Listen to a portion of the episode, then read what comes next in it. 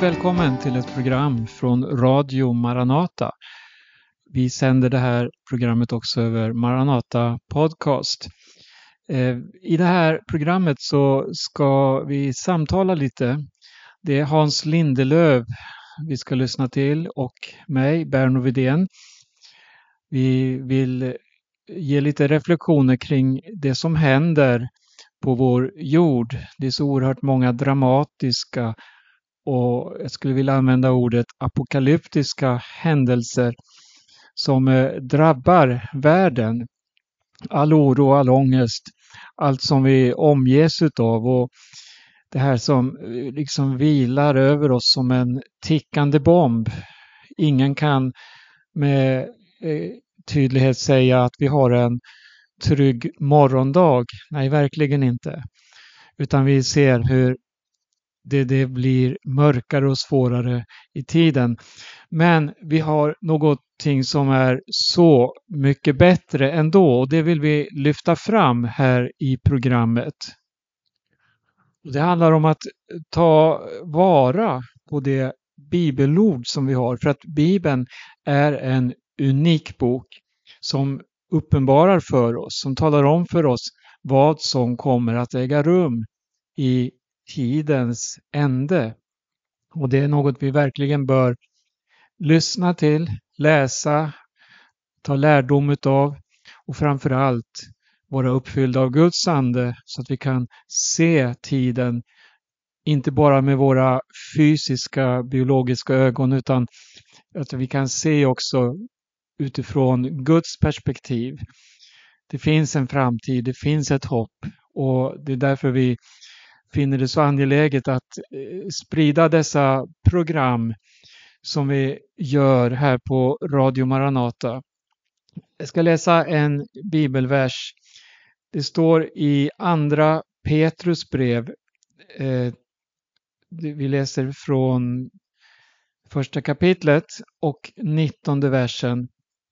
Så mycket fastare står nu det profetiska ordet för oss och ni gör rätt i att hålla er till det som till ett ljus som lyser på en dyster plats tills dagen gryr och morgonstjärnan går upp i era hjärtan.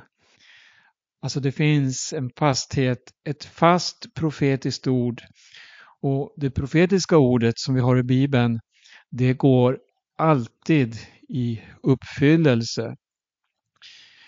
Vi ska lyssna till en sång först och sedan så går vi rakt in i det här samtalet med Hans Lindelöv och mig, Berno Vidén. Nere i dalen bland doftande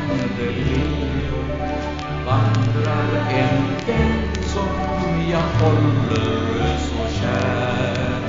O, jag vill skynda att följa hans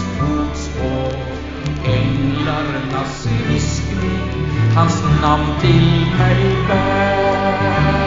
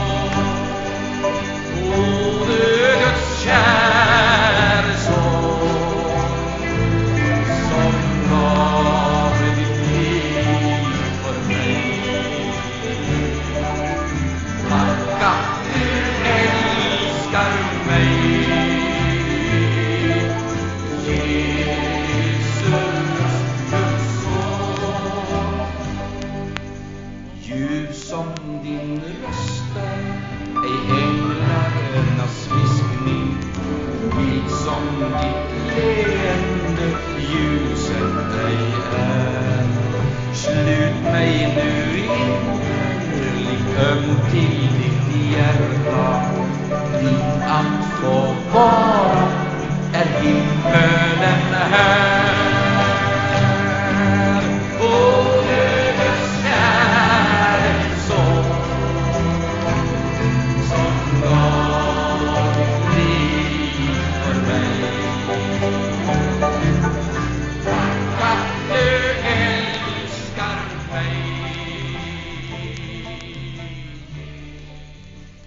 Det här är en inspelning från Radio Maranata och Maranata Podcast.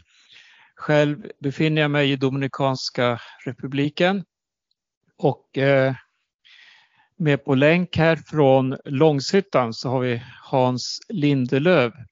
Vi ska ett tag framöver här samtala lite kring aktuella händelser och det är väldigt mycket som händer faktiskt i vår värld och det är många gånger svårt att greppa om, om allt som händer. Det ena avlöser det andra med en så oerhörd hastighet så man hinner inte ens börja reflektera över en händelse så är den passé och så är vi inne i någonting helt nytt. Och det här för ju också tankarna till, till eh, Jesu undervisning om de yttersta ingen eller det som ska ske i de yttersta dagarna. Och jag tänkte höra med dig Hans, först lite vad du har för inledande tankar kring vår tid och det som sker. Ja, det finns ju vissa då, det finns ju vissa ställen i skriften som man som knappast går att undvika då man är en bibelläsare, då man, eh, då man tar, tar, tar del av de samtida händelserna. Och eh, det som är särskilt då kanske har motiverat det är ju det här kriget i Ukraina. Att försöka se det i, försöka förstå det här utifrån, därför det finns ju så tydliga, man säger profetior som talar om ett stort krig som ska föras i ändens tid. Det talas om eh, Gogs härnadståg till exempelvis i profeten Hesekiels bok. Och då är det ju märkligt att eh, profeten får vända sig då till gestalter som ska fra, uppträda långt fram i tiden. Och han talar direkt till Gåg, hövdingen över Ros, Mesek och Tubal. Och jag, jag tittar på de här kapitlen och jag lade märke till vissa saker. Det verkar faktiskt som, man säger hela, he, alltså Gågs härnadståg läser vi om i Hesekels bok kapitel 38 och 39. Det finns ju flera där moment i de här två kapitlen. Och när man tänker på hur kriget i Ukraina har börjat, det som Putin kallar för en eh, militär specialoperation, så var det alltså med en frenetisk alltså Eh, begäran. Alltså, han begärde av NATO, han begärde av USA och västmakternas säkerhet för Ryssland. Innan, innan han utlyste den här militära specialoperationen så var det ju flera veckor som gick, månader rent av. Och den här frågan var uppe. Han ville ha, Kreml krävde särskilda säkerhetsgarantier. Eh, och det här är, om man säger tydligt, någonting som vi möter också eh, i profetian om Gåg, att, den, att, det här, att det här begreppet finns hos Gåg. Eftersom Gåg på något vis blir avundsjuk på den säkerhet som han upplever att Israel erfar. Det är folk som då har församlats till jordens mittelhöjd. Det står i, i jag tror att det är kapitel 38 i Esekiel. Nu råkar jag få upp King James här.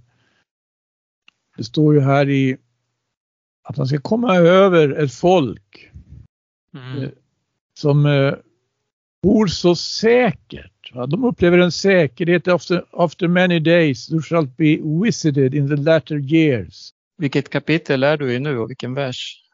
Det är i, det är i 38 kapitlet.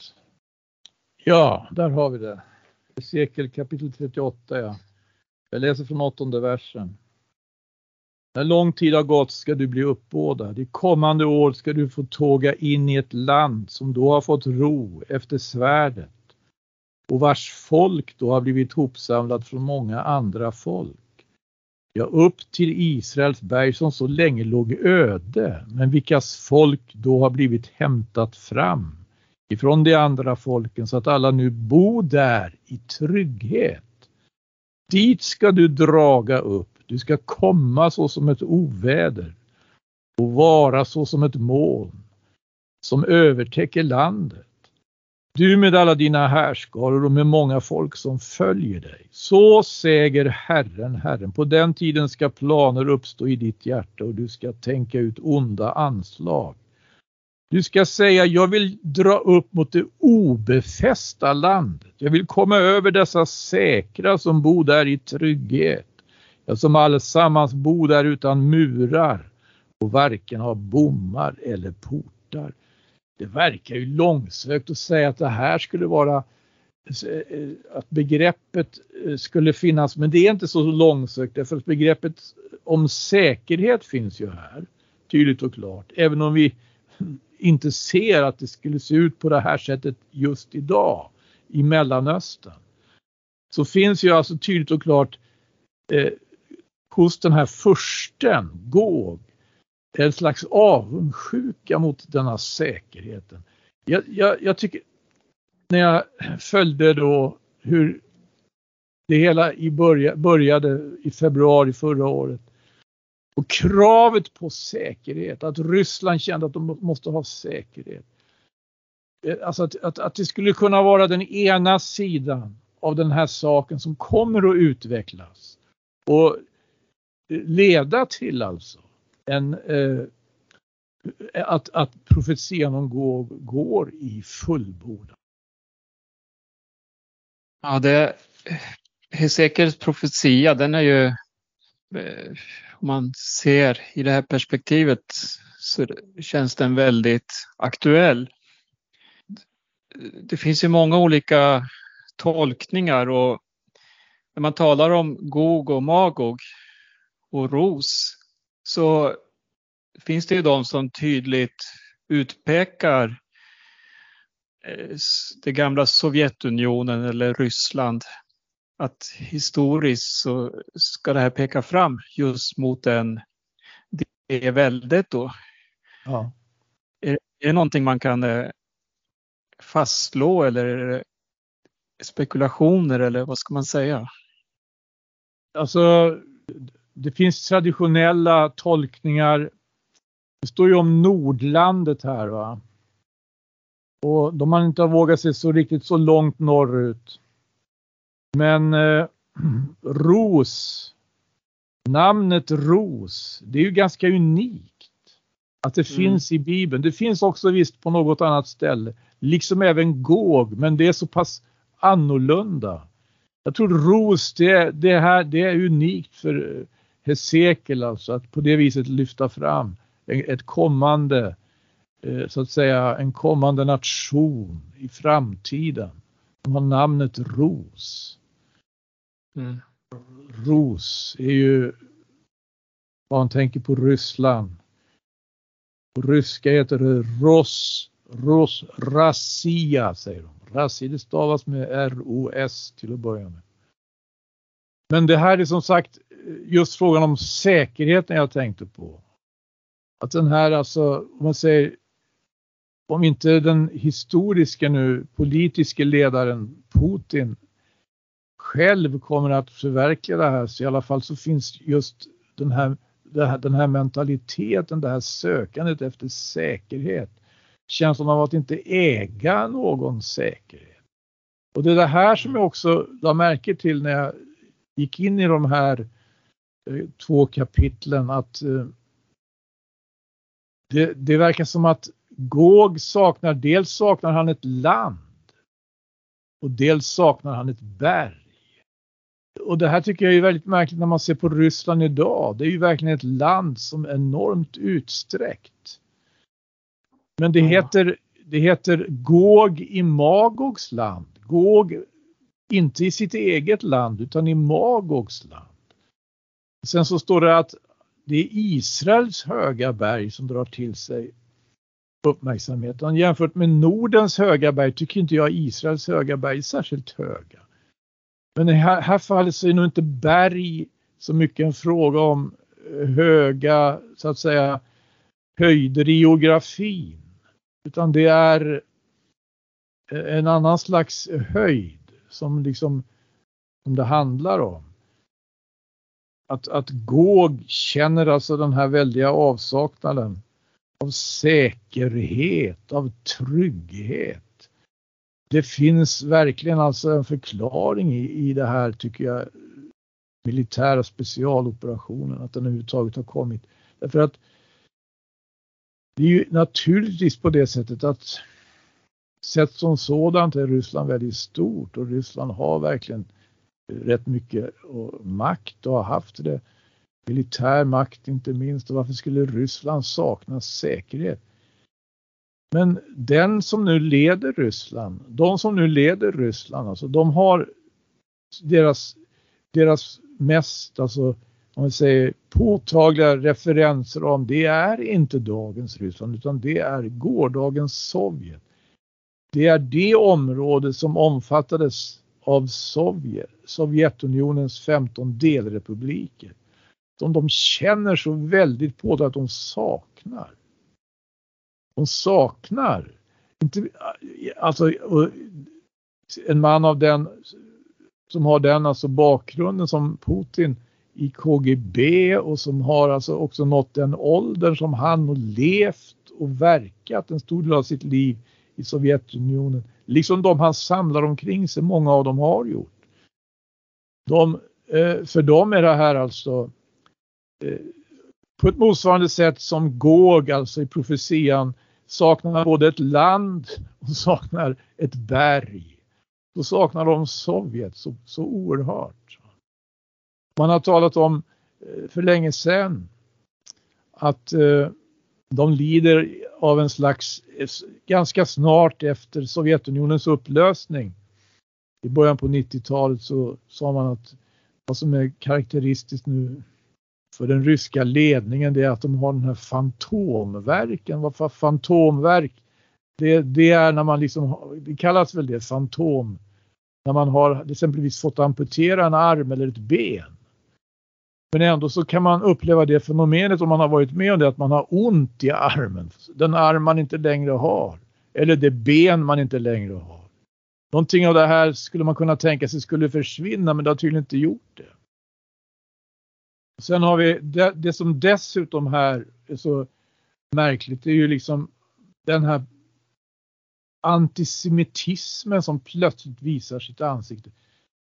Och då, då tänker jag inte minst då på den ryske utrikesministern Lavrov som liksom har gjort sådana uttalanden, upprepade uttalanden som eh, har väckt väldig bestörtning, alltså därför att han jämför ju, gör, gör, historiska jämförelser som blir alltså till sin konsekvens väldigt antisemitiska. I somras så anspelar han ju på att det var ju nazisterna var judar, själva var judar. Det var judarna som förföljde och, och, och förintade judarna då. Och nu helt nyligen så gjorde han det här uttalandet att eh, eh jämförde med andra världskriget och Hitlers slutgiltiga lösning av den judiska frågan och han menar USA och västmakterna är precis som Napoleon en gång. De är ute efter att eh, förinta Ryssland som Hitler vill förinta Ryssland och på ett liknande sätt som Hitler trodde sig ha funnit den slutgiltiga lösningen för att utrota det judiska folket så har nu Biden och västmakterna kommit på den slutgiltiga lösningen för att utrota det ryska folket. Gjorde den jämförelsen. Vilket ledde till protester och inte minst från judiskt håll. Och den sidan av saken ja. finns också med i Gogs härnast. Vad är det som så små, gör att så småningom så kommer alltså Gog att mobilisera en väldig här som går mot Israel. Det finns, det finns de här inslagen. Men nu frågar inte du om just det här utan du talar om tiden, om den oroliga tiden vi lever i generellt och det finns ju mycket annat också. Men det här är ju... Jo. Vad jag tänker är angeläget då, speciellt för oss som är Jesu lärjungar, vi som är bibeltroende. Vi, vi har ju en undervisning utav Jesus i evangelierna där han ställs inför den här frågan om den yttersta tiden. Och då handlar det om Jerusalem, det handlar om Jerusalems tempel. Och Jesus får ju frågan om eh, när han ska upprätta riket. Och så börjar Jesus undervisa om alla dessa händelser som eh, ska drabba jorden. Och i sin undervisning så framgår ju dels det här då att ingen vet tid eller stund. Ingen kan förutsäga att då ska riket upprättas. Då ska Jesus komma tillbaka. Men vad han verkar trycka på det är just det här att uppmana till att vara på sin vakt. Att inte låta sig luras. Var på er vakt, jag har sagt er allt i förväg. Exempelvis säger han i Markus 13. Och när, när man läser de här händelserna som Jesus lyfter fram om ångest som ska komma över jorden, krig mellan nationerna, jordbävningar och så vidare. Hur, hur reflekterar du utifrån församlingens uppdrag i tiden? Då? Är, hur ska vi tyda och hur ska vi bemöta alla de här händelserna som, som nu tornar upp, som verkligen har skapat ångest bland folken. Och, och vad säger det här oss om Jesu tillkommelse, inte minst? Ja, det står ju i Jeremia så talar ju Herren om fyra svåra straffdomar. Fyra svåra straffdomar. Och det var på grund av folkets avfall. Den här, eh, ska vi säga, fyrfalden, straffdomarnas fyrfall, återkommer ju på andra ställen i Bibeln. Nu talar vi om, om rätt många svåra frågor och, och, prövningar. Men vi har ju en del som särskilt en, en del prövningar som särskilt eh, känns av som vi har haft covid och vi har det här kriget. Vi har eh, energikrisen eller debatten, jag vet inte vad jag ska kalla det för. Och överhuvudtaget så ser det inte ut som om skillnaden mellan fattiga och rika i världen har kunnat gå att göra så mycket åt. Det ser snarare ut att bli värre nu i de här tiderna. Men eh, när det här gör sig gällande då, jobb, han hade ju upplevt en väldig välfärd. Han hade faktiskt det. Men det var framförallt att han var så gudfruktig. Det, när jobb presenteras ju som en som har erfarit välfärd, rik, mycket rik, men verkligen också gudfruktig. Och han, så att säga, han sätts på prov genom fyra svåra då prövningar som hemsöker honom. I Uppenbarelseboken kan vi läsa om de fyra ödesryttarna. Vi vet att Israels folk fick alltså uppleva det att de blev bortförda i fångenskap, den babyloniska fångenskapen, men de kunde återvända därifrån och när de återvände därifrån då hade de inte upplevt välfärd. Då hade de verkligen inte upplevt, då hade de upplevt fångenskap. Och de som inte hade alltså kompromissat och assimilerat sig men hållit fast vid sin judiska tro och verkligen var bland de främsta att återvända till landet. Eh, de kommer då alltså att uppleva en upprättelse eh, som eh, i alla fall blir något, kanske inte så långvarig, men de får uppleva det. Då, då, då man funderar på exempelvis vårt land så kan vi säga att vi har upplevt fångenskap inte i den meningen. Har vi upplevt nöd? Har vi upplevt svårigheter? Det har vi inte på det viset. Vi har snarare upplevt välfärd. Vi har upplevt det under långa tider. Och när svårigheter och prövningar kommer så är jag rädd för alltså att, eh, och vi tänker också på eh, den kristna församlingen som är inkastad i allt det här, i det här.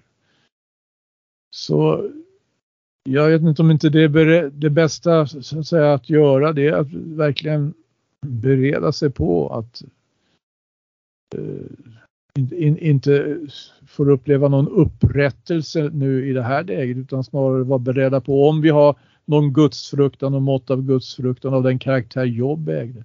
Att det kommer verkligen att, det har börjat, det kommer att fortsätta. De här mm. prövningarna. Men, men, när Jesus säger så här då, vaka så att han inte plötsligt kommer och finner att ni sover. Vad jag säger till er, det säger jag till alla. Det är som ett, som ett eh, allmänt eh, rop till hela världen så att säga, vaka. Eh, är det här ett budskap som behöver ropas ut i våra dagar? Verkligen. Det, det, tror jag absolut. Risken är nämligen den att vi, vi somnar. Och sover vi så måste vi definitivt väckas.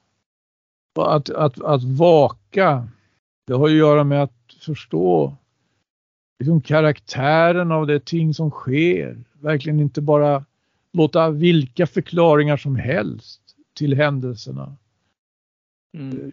Utan vi måste vara vaksamma på ett sådant sätt som, eh,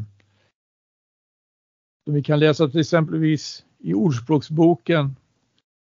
Vaksamma inför Guds, inför Guds vishet, inför Guds ande. Vara öppna för den förklaring på händelserna som Gud, som Gud vill ge. Det står han ger ju åt alla villigt och utan hårda ord, skriver Jakob. Det är honom vi ska bedja om. Bedja om Guds ande och Guds andes hjälp. Att uh, förstå vad som sker. Det står i Ordspråksboken om, om Guds vishet. Det tredje kapitlet. Ja, det här att icke hålla sig själv för vis. Frukta Herren och fly det onda. Inte godta vilka förklaringar som helst. De kan verka mycket mänskligt sett logiska. Låta Gud förklara. Jesus säger ju också i sammanhanget, eh, eh, jag, tänk, jag tänker på vad den värld vi lever i, alla människor vi har runt omkring oss.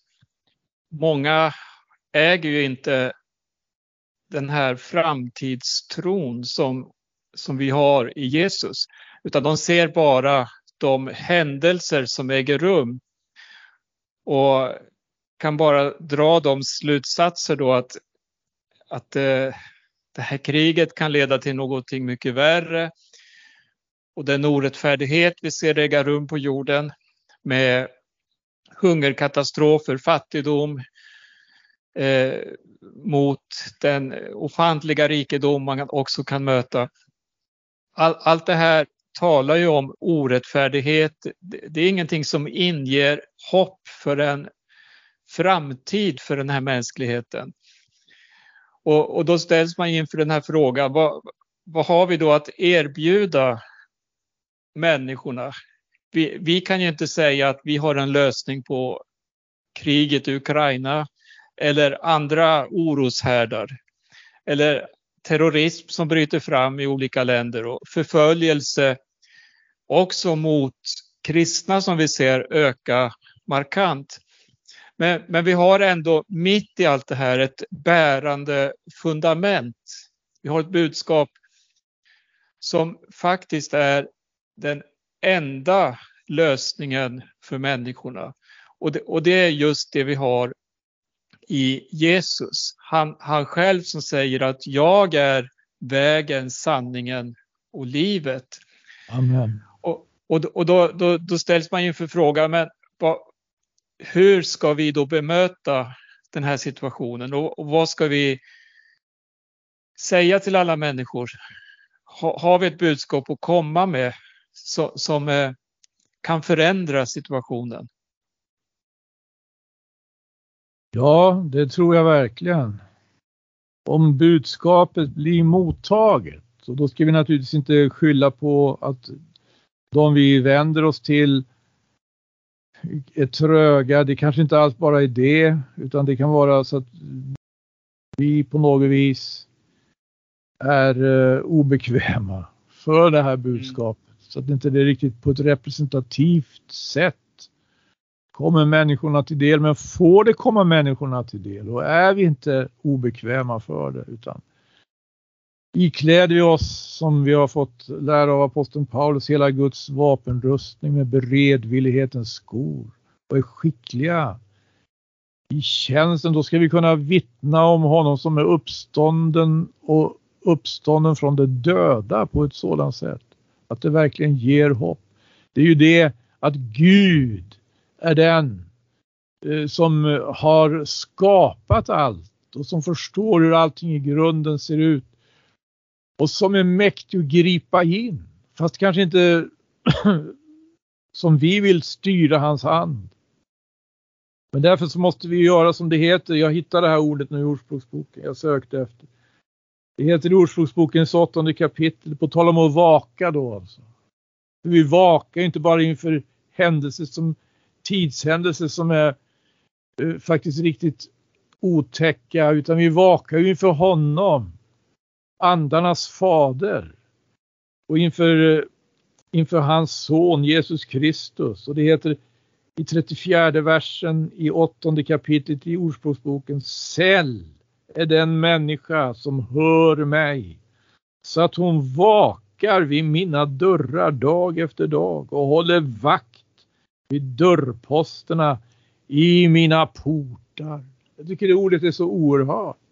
Hur kan vi göra det? Hur kan vi göra det? Det finns för den som söker finns det ett löfte att han ska finna. Daniel befann sig i fångenskap i Babel, långt borta från Jerusalem och långt borta från templet. Kunde inte gå till templet, kunde inte delta i gudstjänsten.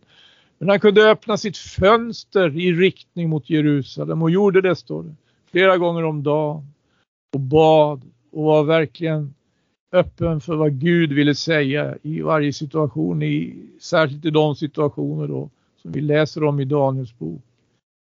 Gud som hade låtit den här olyckan drabba, han var också mäktig att gripa in och förändra och vända situationer som såg ut att annars vara slutet för Daniel och hans Eh, medbröder. Men Gud räddar dem både ur lejongropen och ur den brinnande ugnen.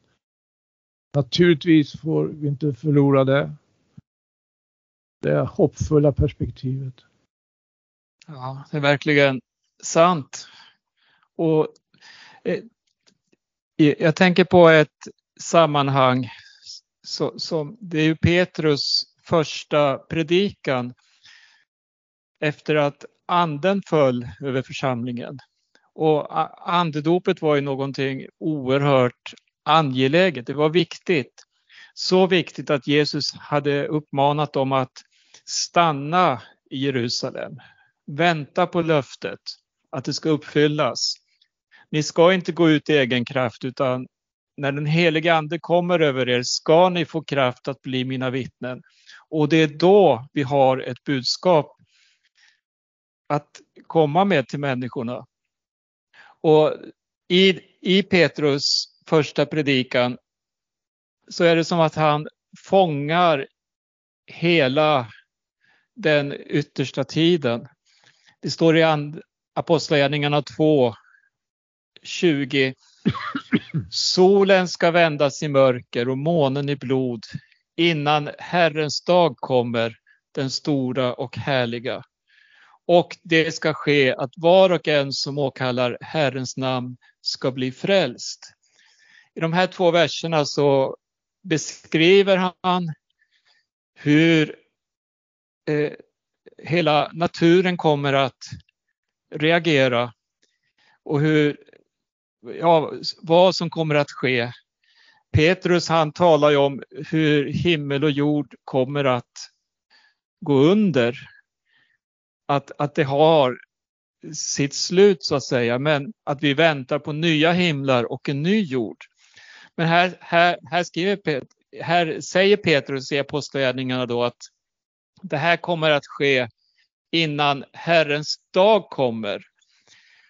Men så har han det här, det ska ske att var och en som åkallar Herrens namn ska bli frälst.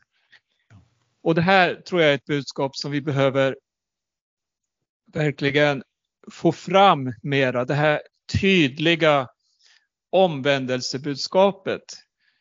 Att det finns bara ett hopp, det finns bara en framtid och det är att överlämna sig till Jesus.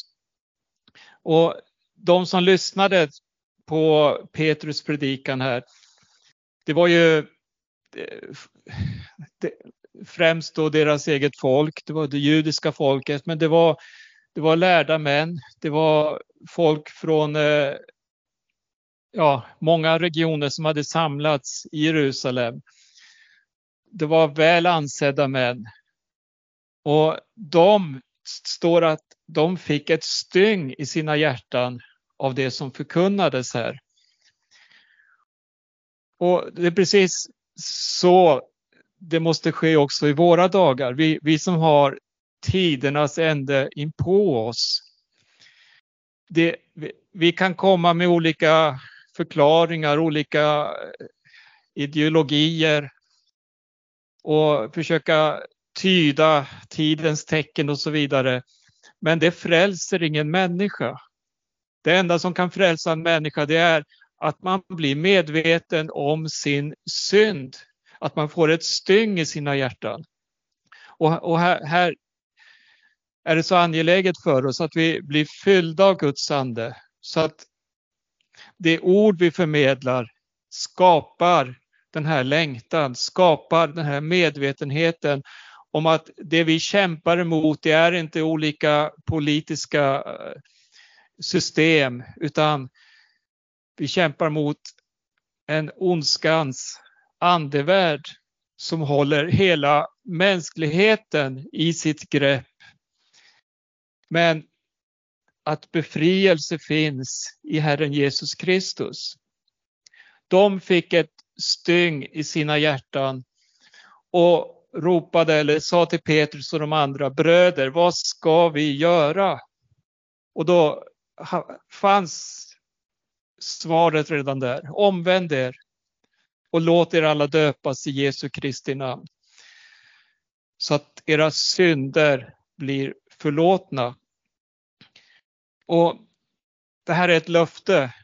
Det här är något som håller också i våra svåra tider med, med all den ondska som utspelar sig runt vår jord. Det är lite så jag tänker när det, på hur, hur vi ska möta den tid som vi, så, som vi lever i. Själv befinner jag mig här ute i, i Dominikanska republiken och vi omges ju av många svåra situationer. Eh, det har väl inte undgått någon exempelvis det som händer i Haiti. Ett land i total upplösning, i total kaos, fattigdom. Ett land som, eh, som regeras av 200 olika ligor som terroriserar befolkningen. Och många av de haitier som bor där och tar sig över till Dominikanska republiken och kommer till oss, är våra grannar och så vidare. Och, och, men här har vi också fått se hur människor i sin svåra nöd tar sin tillflykt till evangelium och finner sin tröst i evangelium. För evangeliet har ju också löften för framtiden. Jo, jo, det är den rätta ordningen. Ja. aposteln Petrus verkligen får fram här. Som sagt, det, det är ett perspektiv här på, på inte bara begynnelsen som han står och, och går i utan be, också på änden som han förutsäger. Ja. Tiden vi lever i, var vi än befinner oss, så är ju det här närmar sig förstår vi. Att eh, man ska stå rådlös vid havets och vågornas dån. Som Jesus uttalar sig. Lukas evangeliets 21 kapitel. Och då är det enormt att kunna äga ett hopp. Kunna vittna om ett hopp. Detta, av denna karaktär som evangelium erbjuder oss. Mm. Vad är det Jesus säger? När allt detta börjar ske, så räta på er och lyft upp era huvuden. Då närmar sig er förlossning. Så budskapet om Jesu tillkommelse, det anses som skrämmande av många. Men ändå är det det som är hoppet. Verkligen. Han som ska regera i rättfärdighet verkligen en mycket stor sanning det att förlossningen nalkas. Mitt under all oro och alla olyckor vi får höra om. Förlossningen nalkas. Ska vi få med till sist här. Jag tänker på det här framtidsperspektivet det, det står i Uppenbarelseboken 21 så här. Jag såg en ny himmel och en ny jord. Till den första himlen och den första jorden hade försvunnit och havet fanns inte mer. Det, det, står klart och tydligt här hur det gamla är förgånget.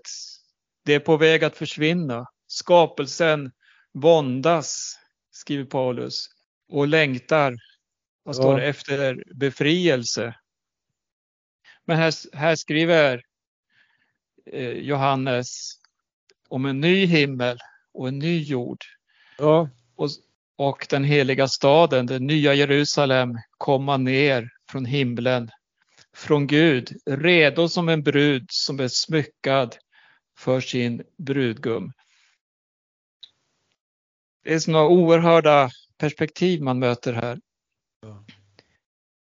att trots allt som äger rum så är det inte det som är slutet, utan det handlar om att bli försonad med Gud, att få sin synd förlåten och få att få ett evigt liv i Herren Jesus Kristus.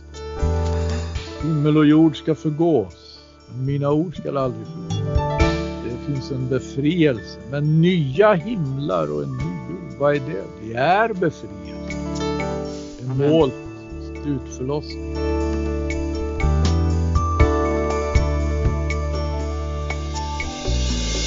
Se frimodigt uppåt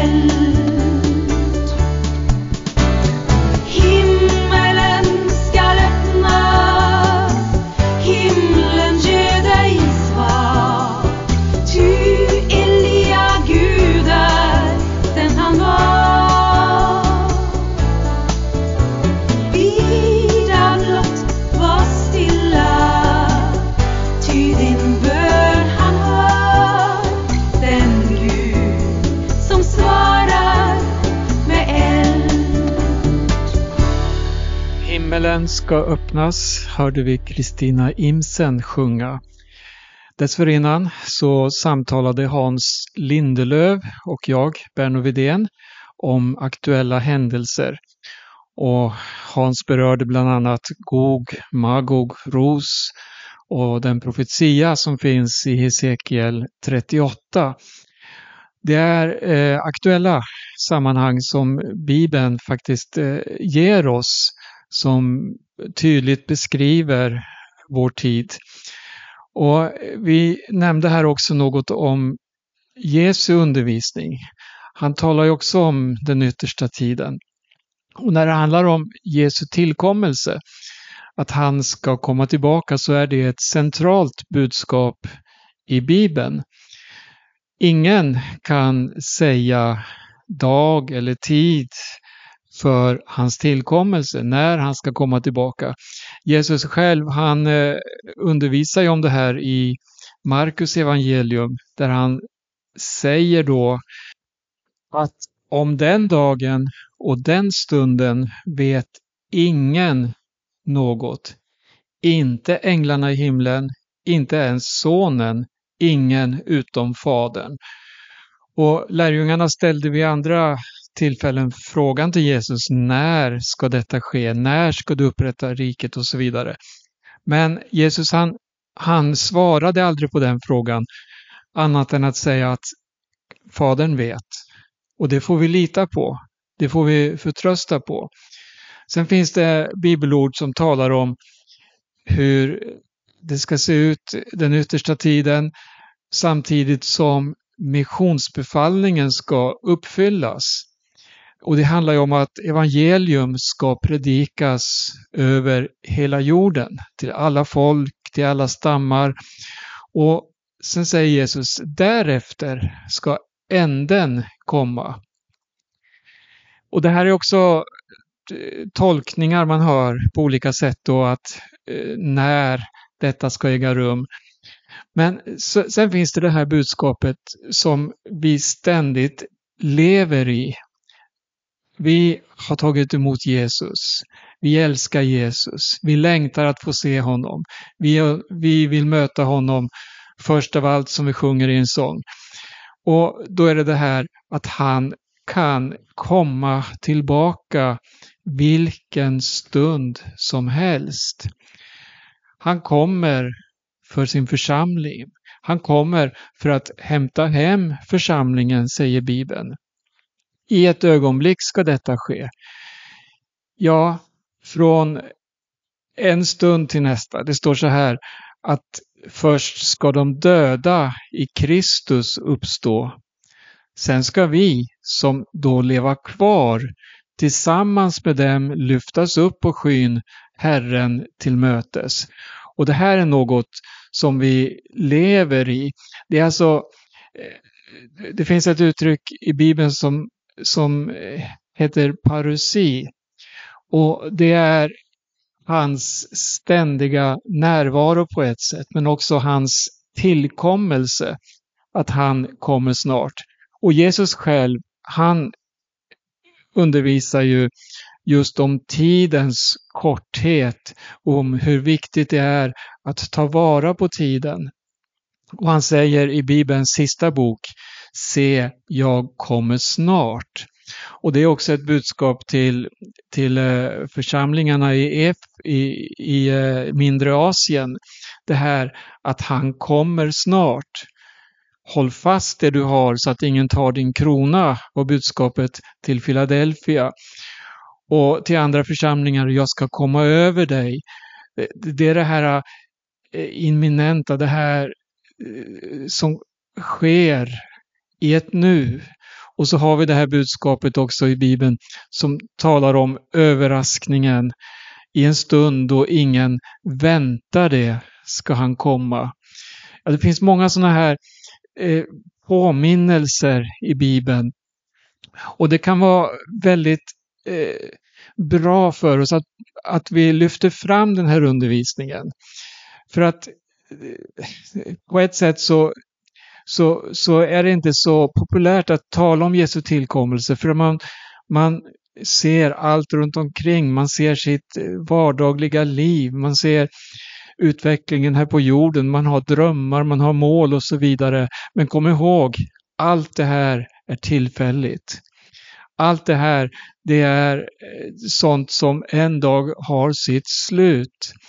Men det som består, det är det vi ska satsa på. Jesus, han, han påminner också just det här som handlar om det materiella, att samla dina skatter i himlen. Vad är det att samla skatter i himlen och inte samla dem på jorden? Ja, det finns många viktiga påminnelser i Bibeln om att vi är födda på nytt och att vi har ett himmelskt medborgarskap. Snart ska vi möta Jesus. Snart ska vi få se honom som han är. En dag ska basunen ljuda och vi ska alla som har tagit emot honom lyftas upp på skyn. Herren till mötes. Herren kommer snart. Ta emot den här hälsningen och låt detta Maranata-rop också få ljuda i ditt liv. Låt det få bli en livsstil som en kontrast mot allt som vi möter i tiden, även inom kristenheten. Det här eh, framgångsteologiska eh, budskapen som, som vill fånga oss kring det materiella, kring det jordiska. Det är inte det som har betydelse. Nej, det som betyder det är var ska du tillbringa evigheten? Eh, det här är en eh, sändning ifrån Radio Maranata, från Maranata Podcast. Eh, tidigare här hörde vi Hans Lindelöv och mig, Berno Widén. Och det var ett samtal och det finns anledning att återkomma till dessa ämnen. Eh, magasinet kommer att fortsätta sända framöver och vi hoppas starta en serie där vi kommer att eh, eh, gå igenom speciella bibelböcker kapitel för kapitel så som vi har gjort tidigare här i magasinet. Eh, du kan söka våra program på Maranata Podcast eller hitta dem också på församlingens hemsida maranata.se. Där finns det också många andra ljudfiler att lyssna till. Och till sist, innan vi avrundar eh, det här programmet, så vill jag ge en påminnelse om tidningen Midnattsropet. Midnattsropet är Maranataförsamlingens tidskrift och den sänder vi till alla som vill ha den helt kostnadsfritt. Och du kan gå in på tidningens hemsida och titta lite där. midnattsropet.se så finns det också pdf att läsa men skicka gärna in en beställning på en kostnadsfri prenumeration av tidningen Midnattsropet. Med det säger jag tack för den här gången. Önskar er alla Guds rika välsignelse på återhörande och vi avslutar med några toner på en sång. Jesus är livet för mig man är på min väg. Allt jag behöver, det har jag